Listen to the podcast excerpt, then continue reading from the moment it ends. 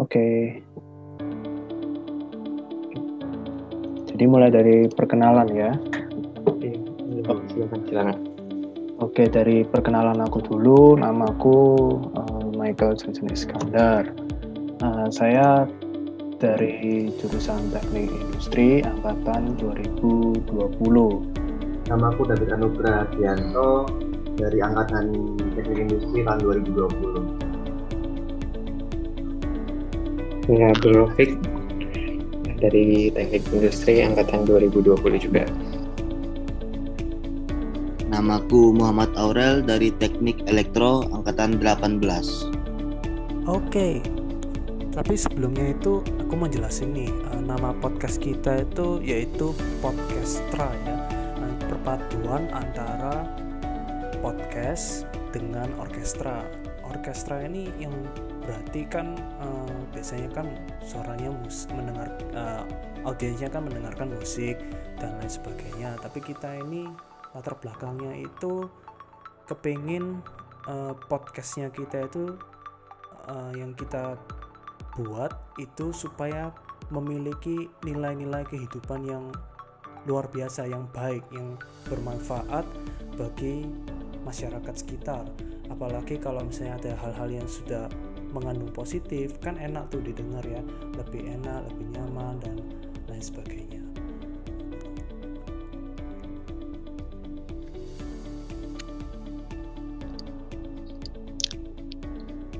Jadi untuk topik kita pada kali ini uh, kita pengen bahas ya untuk uh, gimana sih jadi warga negara Indonesia yang baik dan benar di dunia maya itu yang sesuai dengan nilai-nilai Pancasila. Ya kan? Karena sekarang ini kan uh, sudah banyak ya di era-era digital itu kita menggunakan sosial media atau uh, atau mungkin YouTube dan lain-lainnya itu sudah banyak yang menggunakannya ya kan dan kita percaya bahwa tujuan dari podcast kita ini kan untuk uh, menceritakan uh, apa ya uh, menceritakan masing-masing ya masing-masing pengalaman dari kami gitu kan ya untuk uh, melengkapi juga tugas-tugas dari dosen upaya gitu kan ya.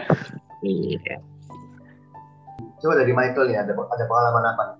Oh ya kalau dari aku sendiri sih uh, ya ini salah satunya ya ketika aku uh, buka media sosial yaitu YouTube itu kan uh, saya ini kan apa ya melihat berita-berita misalnya uh, apa ya di uh, ditilang polisi gitu kan ya karena pengalaman sebelumnya sih saya pernah keburu-buru pergi ke satu tempat gitu ke tempat orang janjian lalu saya melanggar uh, saya melanggar apa namanya garis garis lurus itu kemudian kelihatan di kelihatan sama polisi di mer gitu. Saya lihatnya itu uh, sempet sempet jengkel gitu loh. Karena kan saya ini kan nggak nggak kelihatan kalau depannya itu ada polisi gitu kan ya. Karena kan selama ini kan di Surabaya karena saya tinggal di Surabaya, saya naik mobil gitu kan ya, eh, nggak uh, lihat gitu depannya ada polisi dan lain sebagainya. Saya ini sempat bingung, jengkel dan lain sebagainya gitu kan ya. ya. Sudah saya lalui, lalu saya buka nih di dunia maya ini. Oh ternyata ada juga warga negara uh, Indonesia itu yang juga gak seneng gitu loh, padahal uh, padahal sih ada yang melanggar, ada yang enggak gitu kan ya katanya orang-orang kebanyakan ya mohon maaf sih sebelumnya uh, polisi minta duit gitu kan ya orang-orang uh, dalam hal dalam hal bekerja ya meskipun ya melanggar sih gitu kan ya. Dan itu kalau menurut saya sih hmm, warga negara yang kayak gitu, gitu uh, contoh salah satunya kita jadi warga negara itu mestinya mengambil uh, memberikan inspirasi kepada memberikan inspirasi kepada mungkin pihak kepolisian atau gimana untuk menindak lanjuti supaya tidak terjadi kejadian seperti uh, seperti hal berikut atau yang demikian. Tapi pada kenyataannya sih kalau saya lihat itu masih banyak gitu loh. uh, menurutku sih gitu untuk menjadi warga negara gitu dunia maya ini kita harus kasih feedback feedback yang bagus gitu loh yang mencerminkan nilai-nilai pancasila meskipun nggak ada meskipun keterkadang sih uh, kita sebagai warga negara merasakan ketidakadilan gitu menurut Orang saya. bisa teredukasi gitu. Mm-mm. Jadi supaya uh, mungkin uh, bisa belajar bersama lah. Itu yang bisa Tapi saya gini, sampaikan. gini gini gini tapi uh, pernah kan lihat di be- beberapa media sosial itu kan kita sering lihat tuh yang kamera di lampu merah tuh Mm-mm. pada tahu kan ya di Surabaya Iya. banyak kan ya Oh banyak. ada beberapa banyak itu hati-hati tuh terus habis itu uh, kan juga banyak kan kelihatan di media sosial tuh kalau ada apa namanya uh, sebaran vi- video-video yang uh, menampilkan kalau misalnya seseorang tuh kayak berhenti di pas di zebra crossnya itu dan terus habis itu ada suara apa namanya uh, pengeras suara itu kan dari suara polisinya dari kantornya itu uh, meng- meng- mengindikasikan bahwa orangnya itu sedang melanggar begini begini begini begini. Nah itu uh, gimana tuh menurut kalian? Uh, menurut kalian itu uh, lebih baik polisi melakukan hal seperti itu agar para pelanggar itu jerah karena dilihat banyak orang di media sosial atau uh, menurut kalian tuh lebih baik yang apa namanya yang kan juga kalian tahu-tahu yang Kapolri yang sekarang ini mencanangkan sebuah peraturan untuk menghapus tilang langsung ya yang nanti itu dia ada tilang model model elektronik itu yang berapa hari berapa hari itu. Kira-kira kalau menurut kalian ketiga nih gimana tuh? Enak eh apa? Baiknya menurut kalian? Coba deh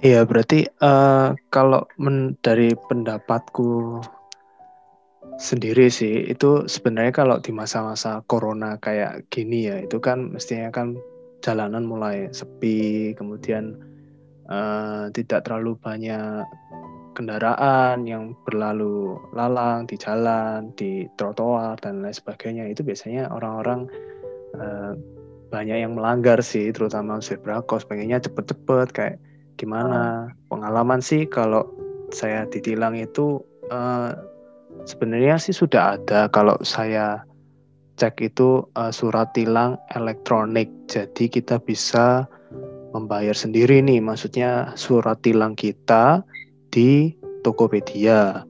Jadi langsung eh, direct gitu langsung dikasihkan ke polisinya. Eh, lalu sudah selesai gitu kebayar tilangnya sesuai dengan denda yang berlaku tetapi pada kenyataannya itu ketika saya ditilang di Mer itu Surabaya, polisinya tidak mengajukan apa-apa nih. Maksudnya eh, tentang ini kan berbicara tentang surat tilang elektronik ya. Eh, tidak mengajukan untuk eh, membayar secara surat tilang elektronik. Yang mereka ajukan itu ada dua, yaitu melalui eh, transfer BRI dan yang kedua itu langsung mem- uh, membayar COD, mem- artinya membayar langsung ke polisinya gitu. Cumanya uh, kalau membayar langsung gitu itu uh, bisa dinegosiasi sih kalau dari pengalaman saya. Tetapi kalau karena itu kan ada buku ketentuannya itu. Kalau misalnya saya melanggar uh, jalur lurus yang nggak putus-putus itu, itu dendanya sih dilihat saya lihat sendiri itu sekitar 200 ribu. Tetapi seumpama kalau yang BRI itu sendiri itu langsung maksimalnya 500 ribu. Katanya sih nanti kalau ada lebih dikembalikan. Tapi kalau menurut saya sih nggak mungkin dikembalikan kan ya kan uang sebesar itu kan pasti orang semua orang Lumayan itu. mau begitu. Seharusnya sih kalau menurutku sih polisi harus harus itu ya me- lebih kalau melanggar gitu lebih baik ke surat tilang elektronik kan lebih aman, nyaman dan eh, terhindar dari eh, gerombolan orang-orang di sekitar kan? Kalau pada zaman zaman sekarang ini kan sudah hmm, beritanya kan COVID gitu kan yang meninggal dunia itu sudah orang yang meninggal dunia sudah banyak sekali. Sehingga yang kita eh, sebagai warga negara kan juga pasti takut, cemas, apalagi kalau kumpul-kumpul gitu kan ya, interaksi dengan sesama dan lain sebagainya. Begitu. Tapi nih dengar-dengar kan bukannya tilang secara manual tuh udah nggak ada, diganti secara online semua. Kalau misalnya udah Iya. diganti secara online kan itu lebih mengecilkan persentase polisi buat dapat sokokan kan, dan itu bakal lebih, lebih bagus dong. Iya itu sebenarnya benar. Soalnya dengar-dengar juga katanya kalau melanggar beberapa hari kemudian suratnya itu nggak melewati polisi langsung datang ke rumah tujuan STNK yang Iya, tercantum itu. Katanya sih begitu dengar-dengar. Tilangnya secara online kan gitu. iya makanya kasihan juga kalau ada misalnya orang minjemin mobil kan nggak tahu apa-apa tiba-tiba datang surat tilang kan. Tapi kira-kira kalau ini nih nanya lagi sama Michael nih kira-kira nih kalau misalnya kalau udah ada tilang yang tiba-tiba surat datang itu mendingan ditilang di sama polisinya apa tiba-tiba ada surat datang ke rumah?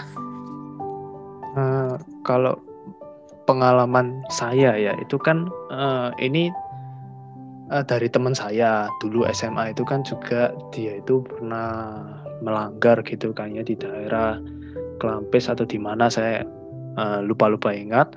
Itu eh, dia pernah melanggar lalu ditilang polisinya datang ke ke lokasi ke rumahnya dia gitu. Eh, kalau menurut dia sih dianya merasa dia nggak Iya juga. melanggar gitu. Dia eh, teman saya itu merasa nggak nggak melanggar gitu. Padahal kan lo- eh, kasusnya itu kan lampu mer lampu hijau mau ke lampu merah dia agak menerabas gitu loh. Karena dia dalam kecepatan tinggi begitu. Nah ketika dia polisinya datang itu kan dia teman saya kan minta nih eh, apa buktinya gitu kayak tapi polisinya itu masih nggak mau nunjukin katanya ini salah gitu loh. Karena dapat laporan dari pusat seperti itu. Jadi Nah. meskipun meskipun dalam elektronik atau langsung menurut saya sih masih agak kurang gitu kan ya. Karena kita kan juga perlu bukti yang kuat seperti itu Tapi kan biasanya harusnya kalau surat tilang elektronik tuh ada bukti foto biasanya yang dikirimkan. Apakah itu buktinya kurang kuat jadi temenmu bilang saya tidak bersalah gitu? dari ceritanya sih harusnya gitu karena polisinya juga nggak bawa bukti apa-apa kan iya tapi ya itu kenyataannya kayak gitu masih An. masih Ya, ada kita celah masih berarti ada celah sih jujur Iya, aja iya, masih ada iya. celah. Masih ada celah. Iya. Gitu banyak polisi ya enggak eh maaf kok polisi. Ntar lagi trending. Banyak jalan menuju Roma guys. lagi trending ini Bobo begitu coba eh Kak Aurel ada pengalaman pribadi. Eh, tapi BTW Aurel dari mana ya? Dari mana nih asalku ya? iya iya dari asalnya dari mana ya? Kalau aku asal Kalimantan Selatan, Kota Banjarmasin, tapi sekarang aku lagi stay di Surabaya. kalau Kalau- di Kalimantan sendiri gimana tuh? Ada tilang-tilang langsung kayak di Surabaya kah?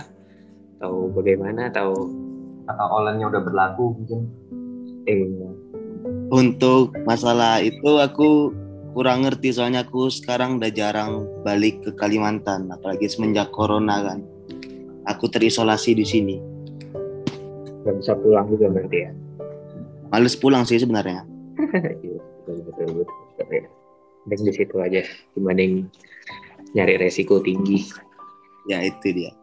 Tapi kalau selama di Surabaya kira-kira ada pernah mengalami hal tidak enak tentang lalu lintas atau tentang media sosial juga? Kalau tentang lalu lintas sih aku selama ini alhamdulillahnya aman-aman aja, gak pernah apa-apa. Taat aturan guys, Wih, Nah, gak pernah ketahuan soal. nggak pernah ketahuan. Ya aman selalu. Aman selalu. kalau misal di sosial media nih gimana Kalau masalah sosial media, aku pernah dapat dengar berita sih masalah ini apa ke masalah biasanya bullying bullying di internet itu loh kan sekarang lagi banyak kan malah sampai ada yang bunuh diri kesian sih liatnya body shaming biasanya Iya, iya, iya. Terus yang ngomong akunnya palsu habis itu ya. nah, jadi Dan ya emang emang di sosial media itu uh, aneh gitu loh. Mereka itu melakukan melakukan itu demi demi demi untuk namanya tuh naik gitu loh. iya, iya. Dilihat sama orang. Padahal itu kan merugikan yang lain gitu kan. Iya. panjat terus coy. Panjat sosial. Anjir, saya Sekarang, kan rata-rata orang-orang kan pengen terkenal sekarang ya sekarang Ah. pinginnya. Nggak nggak mau prosesnya nggak nggak diikutin. Udah apalah itu proses kan gitu jadinya. Anggaplah yang paling baru eh, apa terakhir kali itu eh, apa, eh, prank prank sampah tuh. Prank sampah tuh pas puasa puasa tahun eh puasa sih corona tahun lalu gitu ya. Nah itu eh, itu kan salah satu eh, penggunaan media sosial yang dengan plat- platform yang kita bilang YouTube itu kan bukan salah satu contoh bukan contoh yang baik. Nah itu kira-kira kalau menurut kalian hal seperti itu tuh gimana caranya menanggulangi? Apakah harus dari pihak YouTube-nya melakukan eh, kayak pembatasan terhadap konten-konten yang seperti itu yang bisa dibilang tidak terverifikasi dengan baik, terus atau dari pemerintahnya yang harus membatasi atau membuat aturan yang kayak ya membatasi kegiatan yang kayak begitulah yang kayak buat video yang gak ada faedahnya lah bisa dibilang gitu cuma cari sensasi gitu. Gimana tuh menurut kalian tuh Kalau menurut aku masalah-masalah hal-hal yang merugikan tuh sebaiknya sebelum di upload ke media sosial itu sebaiknya diminta perizinan dari pihak yang terkait kan. Kadang kebanyakan selama ini yang kita lihat orang-orang karena demi konten upload terus upload terus demi namanya naik kan. Jadi merugikan orang terus akhirnya malah terkena masalah itu kasus-kasus segala macam itu. Jadi kalau dari aku mending konfirmasi dulu ke orangnya apakah dia setuju untuk dipublis video ini atau tidak. Itu aja sih kalau dari aku. Berarti videonya tuh kayak semacam hoax ke orang lain itu. Jadi caranya cuma harus verifikasi ke orang itu apakah boleh dipublikasikan apa enggak gitu. Iya, harus konfirmasi ke orangnya kan soalnya hal-hal kayak gitu tuh mempermalukan sebelah pihak kan jadinya. Kalau kayak gitu sih kayak susah. ya itu bukan mempermalukan pihak sebelah pihak itu gak punya harga diri berarti ngeprank sampah begitu berarti ya kondisi covid gini kan siapa yang nggak tahu kan susah semua dok kan nggak ada nggak masuk di akal gitu loh ngelakuin hal yang nggak ada untungnya juga buat dia buat dia cuman ketawa ketawa doang kan ya udah ketawanya situ doang itu kayak enak-enak buatnya mikirnya sekarang doang besoknya nggak mikir dia Biar dia dirinya jatuh. Waduh.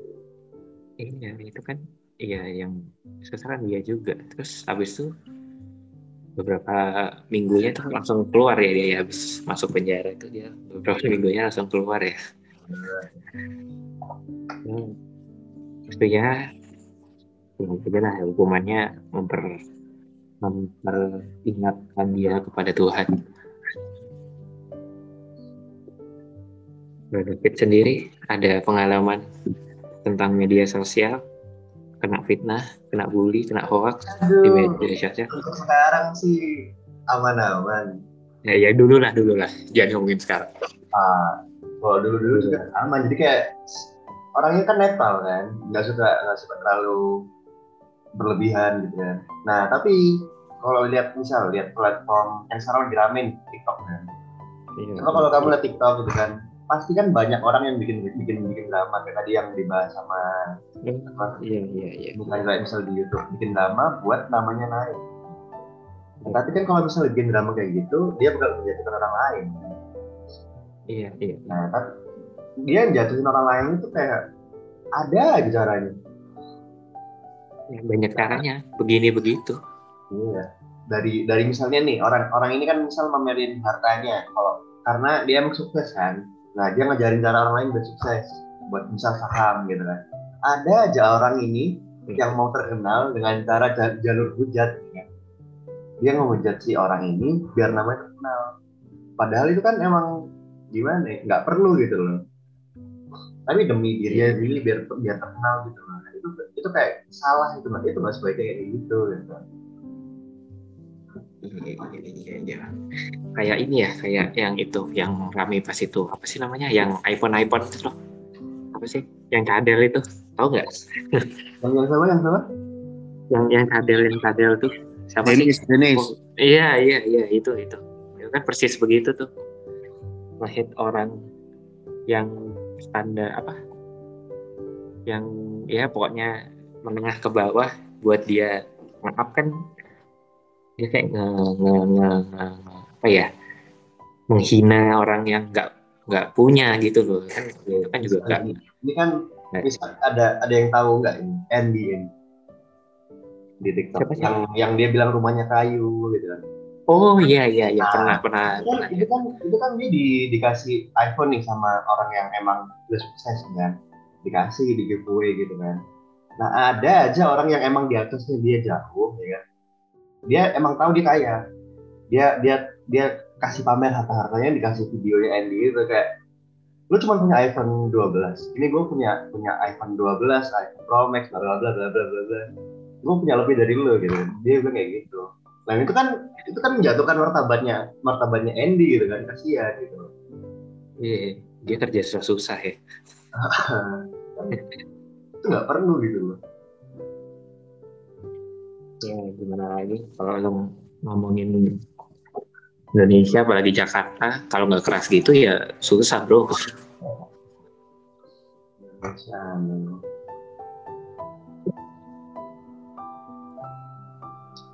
Gimana gimana gimana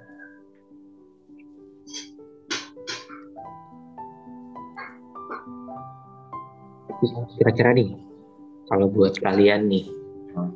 eh, apakah eh, anggaplah kita ngomong mahasiswa nih apakah eh, mata kuliah pendidikan kewarganegaraan itu ber, berdampak pada eh, bisa berdampak kepada eh, moral di media sosial bagi para mahasiswa kira-kira kalau menurut kalian tuh penting apa enggak gitu deh? Mata kuliah PKN ini terhadap ini moral seorang mahasiswa di media sosial deh. menurutku nih menurutku uh, penting gitu. Kalau misalnya kita udah belajar eh, pelajaran gitu kan misalnya PKN kita pasti udah tahu kalau emang moral-moral yang berlaku di masyarakat apa apa apa, apa yang emang harus dilakukan apa yang nggak boleh dilakukan apa yang sebenarnya itu bisa dilakukan cuman nggak perlu lah gitu loh. Nah kalau misalnya kita pakai sosial media buat dengan cara yang emang menjatuhkan orang lain misalnya kayak Andy, Andy itu misalnya itu kan menjatuhkan orang lain itu kan kayak itu nggak perlu nggak perlu dilakukan. Tapi untuk demi dirimu sendiri demi egoisme yang yang tinggi buat buat harga buat harga dirimu naik gitu tapi mendekat orang lain. Kamu lakukan itu gitu loh itu nggak nggak perlu.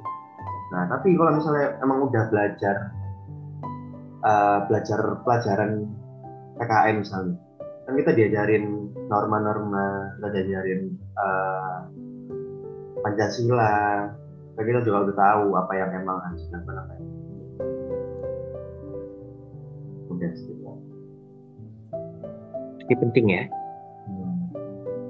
penting ya. Terus kalau misalnya nih, ambil ambil contoh lagi deh nih ya, yang terakhir kali nih yang rame nih, itu si Anjay, Anjay, tahu Anjay ya? Yang masalahin Anjay itu, Eh, kan itu kan itu kan dia eh, ini ya, lulusan sarjana psikologi lagi bro. Gila, sarjana psikologi kok jadi begitu. Malah dia yang kena psikologi itu, itu gimana ya? Apa tebak-tebakan deh. Apa gimana uh, itu kira-kira dari personalnya dia yang ada masalah apa emang dari pen, cara pendidikannya dia kira-kira yang salah? Coba deh. Sebenarnya itu dari pemikirannya yang emang yang emang mungkin mungkin ada nih orang yang emang pengen terkenal dari jalur bukan pakai cara yang muncul orang lain.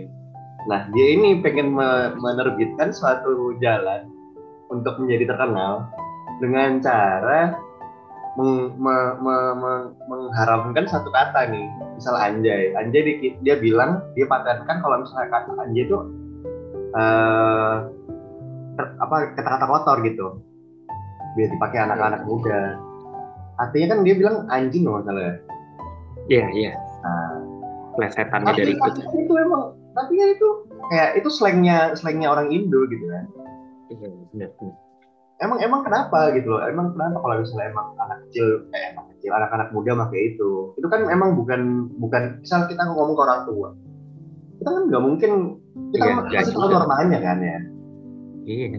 Nggak mungkin kita pakai kata-kata slang yang emang kotor buat orang tua gitu. Kita pasti tahu apa yang emang perlu dilakukan buat misalnya kita ngomong sama orang tua kita ngomong sama anak muda gitu. dan itu kata-katanya anjay itu sampai dilarang itu nggak penting sebenarnya. Yang penting tuh malah di, di apa perekonomian Indonesia maju Indonesia jadi makmur. Nggak perlu kita bahas kata-kata anjay. Iya. malah malah yang kena kan psikologinya dia sendiri kan kasihan Iya. loh. Iya benar. Anjay tidak menaikkan ekonomi Indonesia ke 7 persen. Tidak penting gitu. Ini dari yang lain gimana? gimana gimana Michael Ya kalau menurut saya sih lebih ya kalau menurut saya sih lebih baik nggak usah lah kita yang melakukan sesuatu yang buruk di dunia maya lebih baik kan eh, kita kan memberikan amal gitu kan ya memberikan sesuatu yang baik motivasi yang baik atau mungkin sesuatu yang bisa dapat mengedukasi banyak orang terutama kan kita kan orang eh, sebagai mahasiswa kan eh, selayaknya untuk bisa memberikan uh, hal-hal yang positif kepada banyak orang. Begitu. Jadi uh, jadi sih kalau menurutku sih uh, lebih baik kita nggak usah deh untuk terprovokasi dengan dengan orang-orang yang ingin uh, yang sudah disampaikan sih uh, yang kepingin apa namanya uh, memberikan uh, mem- menaikkan statusnya dia untuk menjadi terkenal gitu kayaknya dengan menggunakan kata-kata yang kasar, kata-kata yang kotor dan menyakiti uh, banyak orang gitu. Jadi pakai ya yang yang pakailah sosial media yang baik dan benar seperti itu. Berarti intinya nggak usah aneh-aneh ya kalau di sosial Iya. media ya. Nggak usah banyak gaya berarti ya.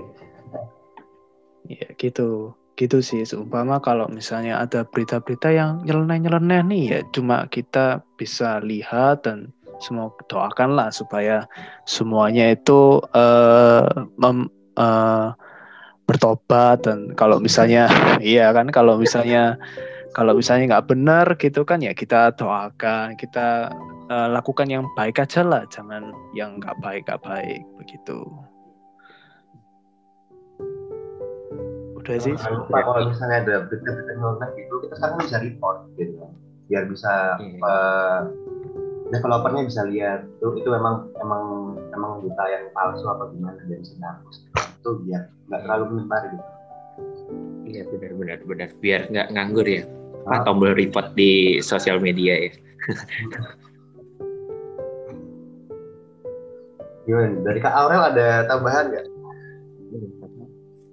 Kalau dari aku yang ngaruh ke dalam kehidupan sehari-hari itu kita lebih toleransi gitu kepada kepada sesama dan bahkan ke perbedaan sekalipun entah itu perbedaan suku, agama maupun ras. Kan biasanya kita bahkan dari kecil pun kita udah di agama jadi diajarin toleransi antar agama kan kadang antar suku juga yaitu jadi kita bisa saling harga menghargai bahkan di Ubaya pun kita banyak perbedaan kan. Ada yang itulah intinya. Iya iya iya.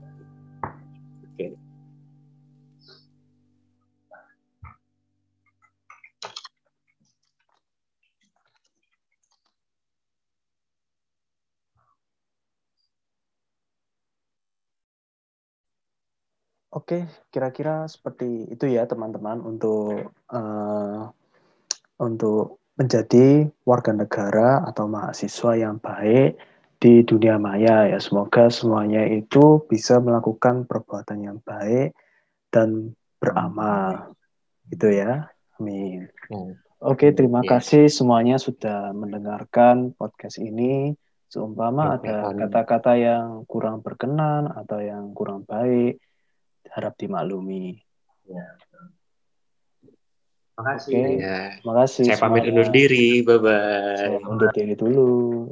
Muah. Ya ampun.